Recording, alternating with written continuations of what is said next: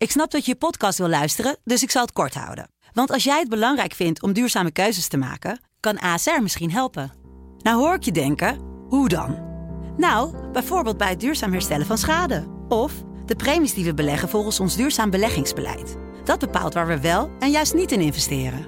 Wil je meer weten over welke duurzame keuzes ASR maakt? Ga dan naar asr.nl slash duurzame keuzes. ASR doet het. Zo, dan kan je nu lekker naar je podcast luisteren.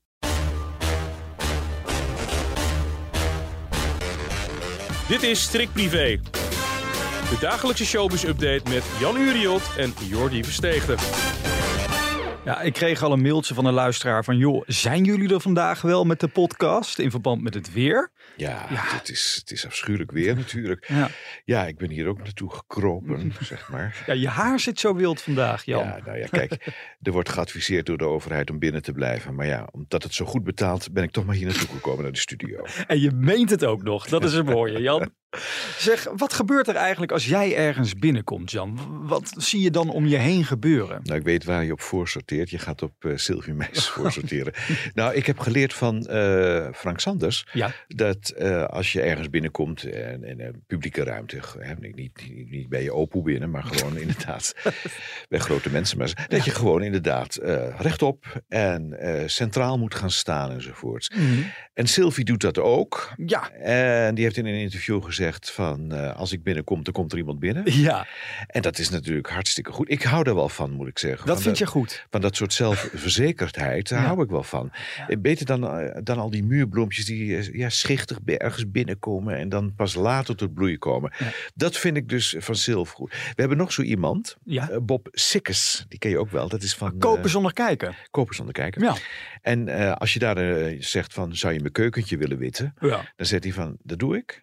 Maar ik ben heel erg duur. Maar ik ben wel de beste van Nederland. Oh ja. Van dat soort zelfverzekerheid daar hou ik wel van. Ja. Ja, ja. ja. dus jij vindt niet dat Sylvie hiermee uh, naast de schoentjes loopt? Nou, het is natuurlijk chiquer als een ander het over je zegt. Van, ja. nou, als die binnenkomt, dan komt er wat binnen.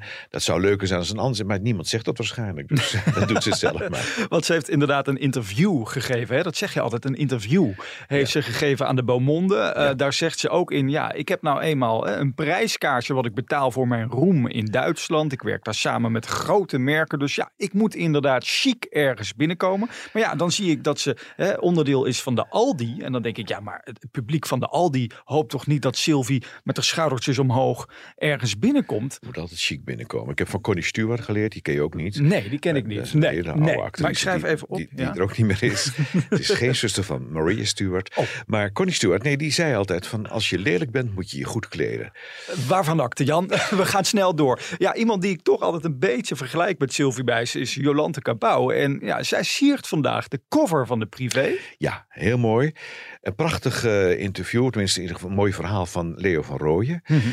uh, ja, we zien een prachtige beelden van uh, een, ja, een, strij, een, een, strijkijzer. Een strijkijzer? Een, een drijvend strijkijzer, zo wordt het genoemd. Dat is namelijk het schuitje van uh, Marcel Boekhoorn. Ja. Zijn Rebecca, dus de zuster van uh, Jolanta, die hm. is 40 jaar geworden. En het werd gevierd op dat jacht. Uh, ja, dat heeft 25 miljoen euro ooit gekost. In 2007 is het, is het in Vlissingen gemaakt. Mm. Je kunt het ook nog per week huren voor 210.000 euro. Pardon? Ja, dus... Uh, en nou, wat krijg ik dan? Nou, dan krijg je dat schip en uh, dan krijg je 11 personeelsleden erbij. Rebecca ook? Rebecca Cabau? Of, of, of... Nee, die zijn er dan vanaf. Okay. Maar je mag wel in haar bedje slapen. Oh, dat, zou je dat willen, Jan? Nou, ik vind dat altijd zoiets van, uh, dat vind ik dan weer zo'n raar gedoe. Dat is dus jouw schip. Ja. En dan ga je het verhuren en dan gaan anderen in jouw bed kruipen. Ik, ik hou daar niet zo van. er zijn er vijf suites onder andere. En het opvallende is eigenlijk dat je inderdaad met tien mensen daar mag slapen. Maar er zijn elf personeelsleden. Ja. Dus er zijn meer personeelsleden dan mensen die er mogen slapen. Dat is altijd fijn, dat toch? is prettig, ja. ja, ja. en gefeliciteerd nog aan uh, Rebecca Cabau. Um, ja, Evert Santegoeds die zegt altijd in deze podcast... komkommertijd, dat bestaat niet. In de zomer is er ook, er is iedere dag nieuws over de sterren. Maar goed, toen ik gisteren dat berichtje zag over Dries Rolvink... ik weet niet of je het meegekregen hebt, het is een beetje een vies berichtje. Mm. Hij zou geplast hebben in het hok van een conciërge... ergens op een school waar hij optrad. Uh, dat is toch een, raar verhaal. Dat, zou die toch, dat doet hij toch niet, denk je? Nou, kom maar door met, uh, met het geluid. ik wil meteen even reageren dat ik niet in de conciërgeruimte heb geplast op een studentenfeest. Want dat zou ik natuurlijk nooit doen als het geen toilet is. Wat wel eens gebeurd is, is dat ik op een studentenfeest een toilet in wil. En dan sta je meteen tot je enkels in de urine. Dat wil je niet weten hoe dat eruit ziet. En dan ren ik wel eens naar buiten. Ik weet niet waar die was op dit moment, uh, terwijl hij dit opnam. Ergens in de conciërgehok waarschijnlijk. Maar... Ik hoorde ook iets van gedruppel. Ja. ja. Nee, maar kijk, je moet wel natuurlijk dan de, de, echt de feiten noemen. Ik ja. bedoel, er is een spion geweest bij een mevrouw en die heeft dit geroepen. Ja. Maar uh, nee, dit klopte dan weer niet. Het is heel goed dat Dries gewoon zegt van nee, uh, dat ga ik even rechtzetten. Want anders blijft het aan je hangen zo'n verhaal. Ja. Wat ik ook heel goed vond, dat is dat hij eventjes René Vroger op zijn nummer zet. Want hij wil dus graag bij de toppers. Mm. En dan zou het beleid zijn dat je drie hits moet gehad hebben. Ja. En uh, hebben we daar ook geluid van? Dan zegt René van nee, want je moet drie echte hits hebben gehad. Ben ik even in het archief gedoken. Ik heb wel degelijk drie top 40 hits gehad. En zelfs ook een nummer 1 hit in 2011. En toen ben ik nog verder gaan kijken. Ook René Vroger heeft maar één nummer 1 hit gescoord. Dus wat dat betreft, René, staan we kiet. Ja, maar het is een heel ja. raar beleid bij, dat, bij de toppers. Want heb ik je wel eens verteld dat Imca Marina mijn vriendin is? Dat heb je wel eens verteld, ja. ja. Nee, uh, nou, die, ze zongen jarenlang de liedjes van Imca. Mm -hmm. en, maar ze zat er zelf nooit in. Uh, nou, daar heb ik zelf ook artikelen over geschreven. Ze was bevriend, hè, of ze is bevriend met Gerard Joning. Nou, die blijkt dus ook zo'n grote invloed niet te hebben. Mm -hmm. Het ligt inderdaad bij René en Benno de Leeuw, de grote man daarachter. En die, die, die beslissen wie erin komt. En uh, nou, uiteindelijk is Imca er een keer in geweest, maar dat is dan met alle oudere sterren. -hmm. En dat was een pauze-act, was dat. Ja. Maar ze heeft nooit een groot podium gehad daar. Ik, ik vind het beleid een beetje vreemd. Daar kun je de vinger niet op leggen. Het is raar. En kom op, Dries Roelvink in een volle arena. Ik kom, ik kom eraan. Dat gaat toch los daar? Heerlijk. Zou, zou Tino Martin trouwens ook bij de toppers passen? Nou, die zal er misschien veel eerder nog in komen. Want dat is toch een beetje de artistieke zoon van, uh, van, van René Vroger. Ja, ja.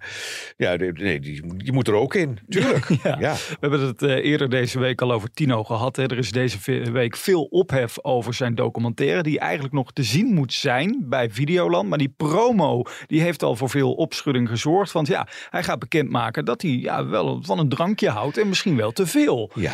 En, en nu ja, heeft Aaron Baden van RTL Boulevard hem uh, daar gisteren over proberen te... Wat kijk je moeilijk, Jan? Nee, je gaat het toch niet over de concurrent hebben? Ach joh, we moeten eren wie eren toekomt. En uh, nou ja, Aaron probeerde hem dus te spreken over die documentaire bij een repetitie van een concert. Maar daar had Tino in één keer helemaal geen zin in. Nee, kan me heel goed voorstellen. Oh. En waarom nou? Hij is geschrokken van de, promo is de, hè, ja. uh, nou, die is over de heg gegooid, zeg maar. Mm. En opeens is dat alcoholgebruik zo'n groot ding geworden. Ja, dat was natuurlijk ook weer niet helemaal de bedoeling. Dus is hij een beetje van geschrokken.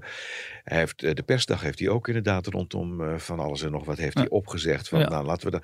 Hij weet natuurlijk, eh, de media gaat daar dan zo ontzettend op inhakken, op dat alcoholgebruik. Dat wil hij niet. Hij, wil, hij wil gewoon reclame maken voor die documentaire. En er zitten hele leuke dingen in. En ik heb je van de week al gezegd, en je bent het niet met me eens, Is dat zo? maar eh, dat ik het heel sportief vind dat Tino daar iets over gezegd heeft. Dat het Ja. wel klopte, dat verhaal. Waar ik heel erg benieuwd naar ben, is zitten in die documentaire nu ook het verhaal dat hij er vanaf is gekomen. En hoe die er vanaf is gekomen. Mhm. Dat wil ik dan wel zien. En stel dat zit er niet in, wat dan? Gaat dan je mening bijdraaien? Dan draai ik bij. Ja, oké. Nou, dat horen we dan de volgende week. Want zaterdag is die eh, documentaire te zien bij Videoland.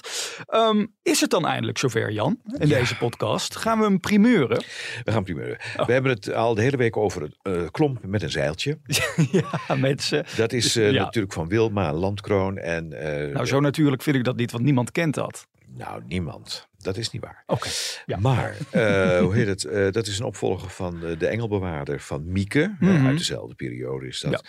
Nou, we hebben, we hebben, we laten, zullen we een stukje laten horen van de, van de remake, zeg maar. Van Jari Helligers. Komt-ie hoor. Met een zeiltje, een snootje zo klein. Een jochie dat later, een zeeman was hij. Nou Jan, dat, ja, het klinkt wel leuk. Dat Ja. moet ik eerlijk zeggen. Het, ja. klinkt, het klinkt toch fris en vrolijk allemaal. Ja. Jij had nog informatie over die Jari? Nou ja, ik ben zijn naam even gaan googlen. Want heel eerlijk, ik kende hem nog niet. Maar blijkbaar heeft hij ooit meegedaan aan Temptation Island. Ja, Ja. nou, en blijkbaar kunnen die types ook allemaal zingen. Hij heeft een eigen sportschool. Dat spreekt jou ook wel aan natuurlijk. Ja. Ja, Nee, dus- het is, het is een, een een frisse verschijning. Hartstikke leuk. Ja. Ik moet je wel zeggen, dat is een nieuw fenomeen. Hè? Oude liedjes, even voorzien van een nieuw muzikaal jasje. Mhm. Ik ben gebeld ook door Millie Scott. Zeg je ook natuurlijk weer niks. Waarom zeg je dat steeds? Ja, Millie Scott die hangt boven mijn bed. Nee, dat is niet waar. Die mevrouw heeft in de jaren zestig ooit meegedaan met het Eurovisie Songfestival. Met het liedje Filippo en Fernando. Oh ja. En ze belde hem op en ze zegt: God, wie gaat er nou eens een keer wat leuks doen met mijn Filippo? Maar Jan, dan kunnen wij volgens mij de komende twee weken gaan vullen met mensen die jou gaan bellen van joh, eh, steek mijn nummer eens in een nieuw jasje. Ik denk dat we een heel jaar kunnen vullen met allemaal oude nummertjes die in een nieuw jasje gegoten worden. Nou, eh, we zijn er trots op dat Maar- wij de primeur hadden. Ja, maar ik wil even zeggen, morgen, want we zijn nog niet klaar met het klomp met het zeiltje. Niet? Want we gaan Wilma morgen even bellen. Ah, dat is leuk. Maar we hebben een korte podcast, hè, dus dat wordt dan een kort telefoongesprek. Maar dat maakt niet uit. Nee, dat maakt niet uit. We gaan er gewoon even bellen. Doe maar. Morgen om 12 uur, dan zijn we er weer. Tot dan. Tot dan.